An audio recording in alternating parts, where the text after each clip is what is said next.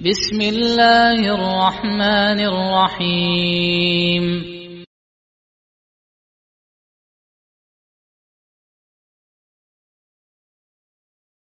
إن الحمد لله نحمده ونستعينه ونستغفره ونعوذ بالله من شرور أنفسنا وسيئات أعمالنا.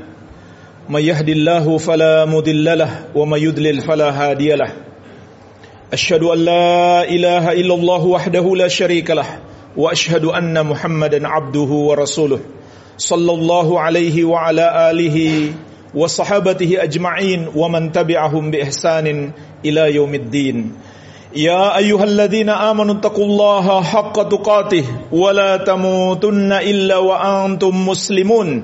يا أيها الناس اتقوا ربكم الذي خلقكم من نفس واحدة وخلق منها زوجها وبث منهما رجالا كثيرا ونساء واتقوا الله الذي تساءلون به والأرحام إن الله كان عليكم رقيبا.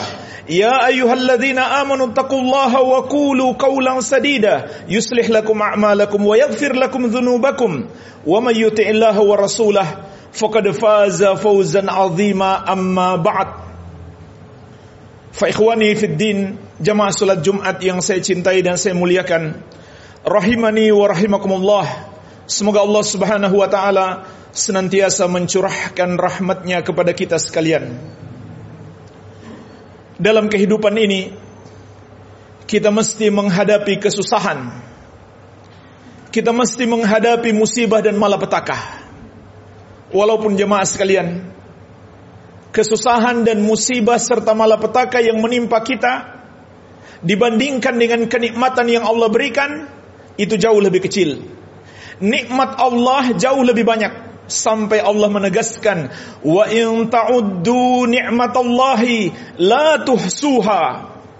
Andaikan kalian menghitung nikmat Allah maka kalian tidak akan sanggup menghitungnya. Betapa banyaknya dan betapa besarnya kenikmatan yang Allah berikan kepada kita. Sampai untuk sekedar menghitungnya saja kita nggak akan sanggup. Sementara jemaah sekalian musibah-musibah dalam hidup kita itu jauh lebih sedikit dibandingkan nikmat yang Allah berikan kepada kita. Dan bersamaan dengan itu jemaah sekalian, Allah Azza wa Jalla memberikan bimbingan kepada kita agar kita segera lepas dari musibah yang menimpa kita. Sebab yang paling utama agar kita lepas dari musibah itu ada dua. Yang pertama adalah kembali menguatkan iman kita, mengokohkan tauhid kita dan menjauhi dosa-dosa yang dapat membatalkan keimanan, yaitu dosa-dosa kesyirikan dan kekufuran. Inilah sebab yang paling utama.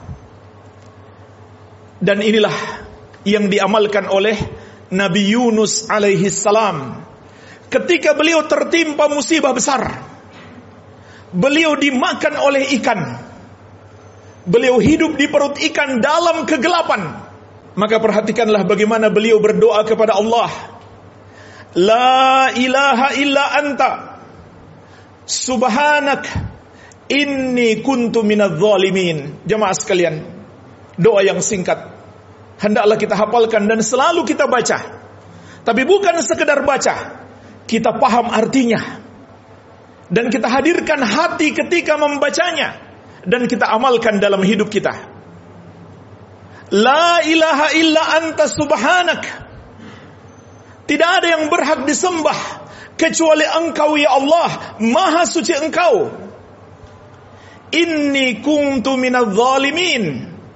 Sesungguhnya aku termasuk orang-orang yang zalim dan nabi kita yang mulia Nabi Muhammad sallallahu alaihi wasallam bersabda tentang doa ini.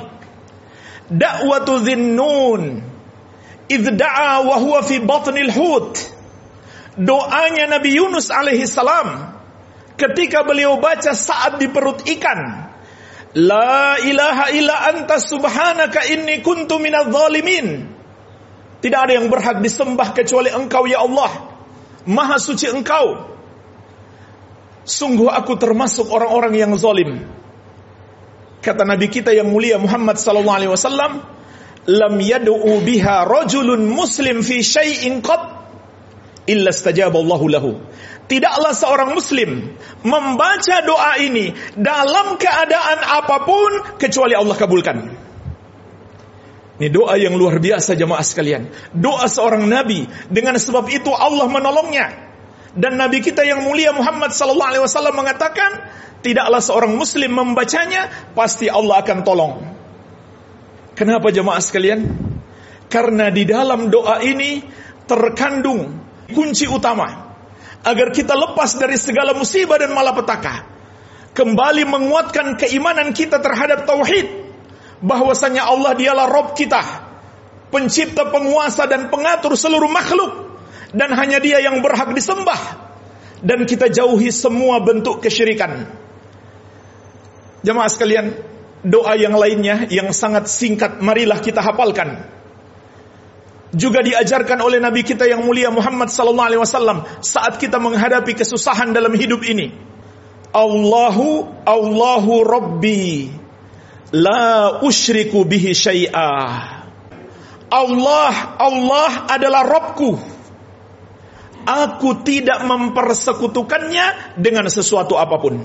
Yaitu aku yakini dialah yang menciptakan aku dan menciptakan seluruh makhluk Aku yakini dialah yang menguasai seluruh makhluk.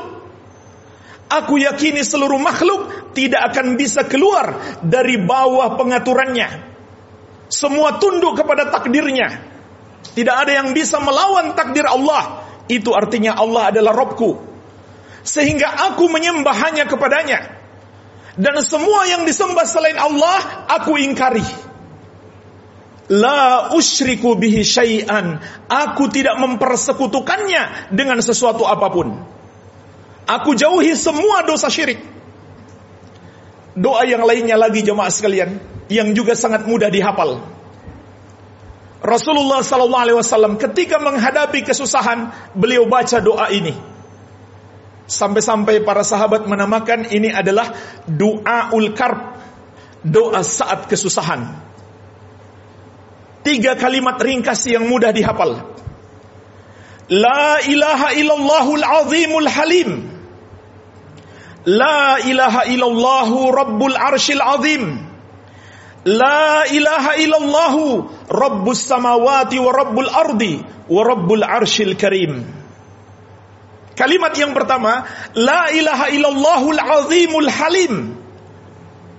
La ilaha illallah tidak ada yang berhak disembah kecuali Allah yang maha agung lagi maha penyantun.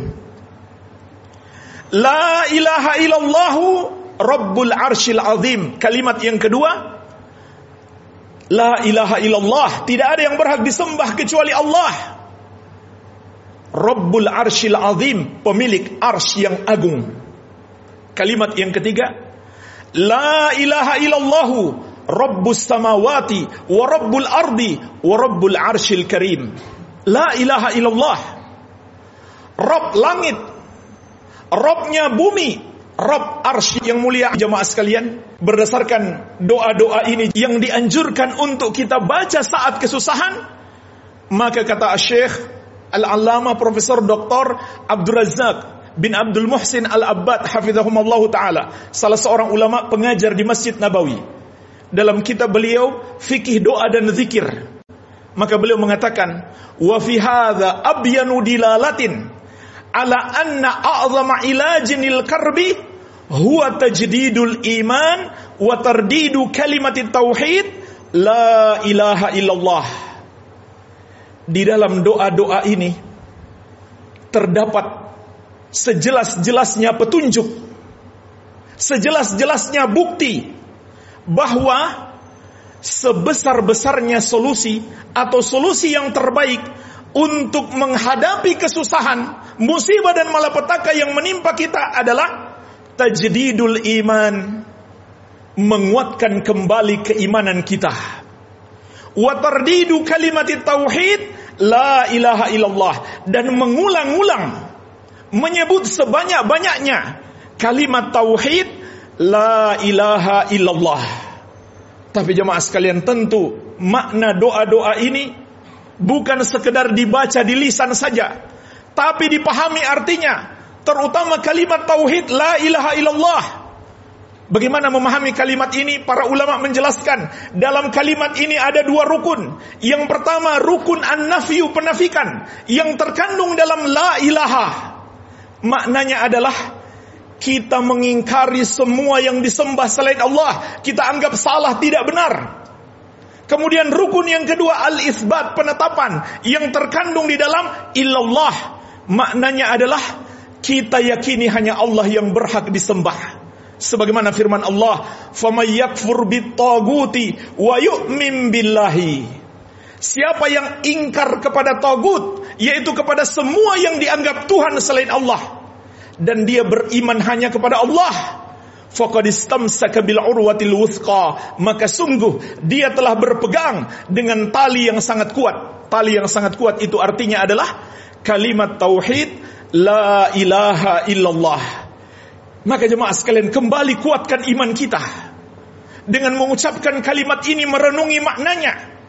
Bahwa tidak ada yang berhak disembah kecuali Allah. Semua yang disembah selain Allah adalah salah tidak benar dan tidak boleh sedikit pun ibadah kita dipersembahkan kepada selain Allah. Inilah kunci utama agar kita selamat dari segala musibah dan malapetaka. Dan yang paling utama jemaah sekalian bukan sekedar selamat di dunia ini, tapi selamat di alam kubur.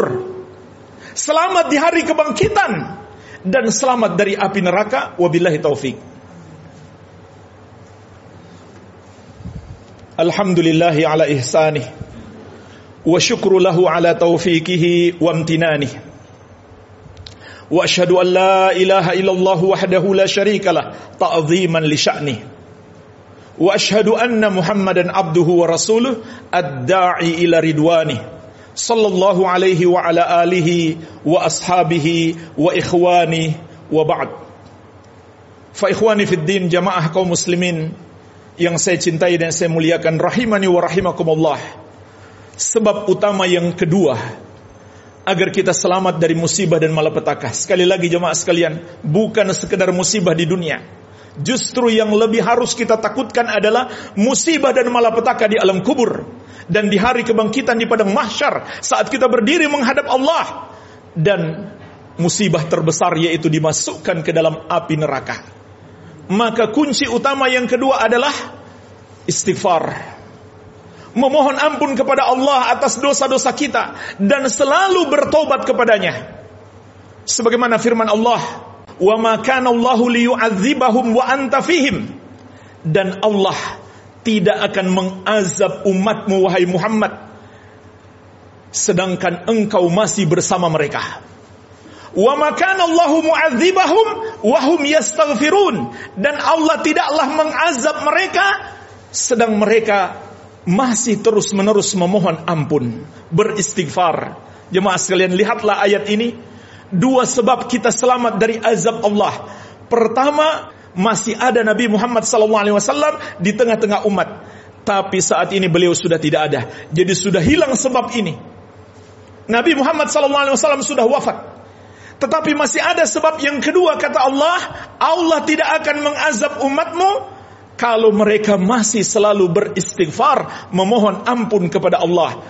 Ayat ini juga bermakna ketika musibah menimpa mereka, lalu mereka mohon ampun kepada Allah dan bertobat, maka Allah akan mengangkat musibah itu. Sebagaimana juga kata sahabat yang mulia Ali bin Abi Thalib radhiyallahu anhu, "Ma nazala bala'un illa bidzambin wala rufi'a illa bitaubatin." Tidaklah musibah itu turun kecuali karena dosa dan tidaklah musibah itu dihilangkan oleh Allah kecuali dengan taubat.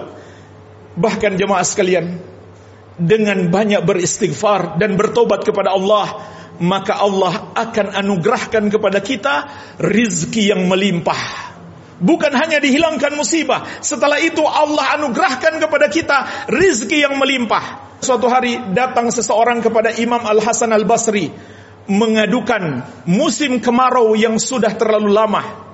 Maka Imam Al Hasan Al Basri mengatakan, istighfarlah, mohon ampun kepada Allah.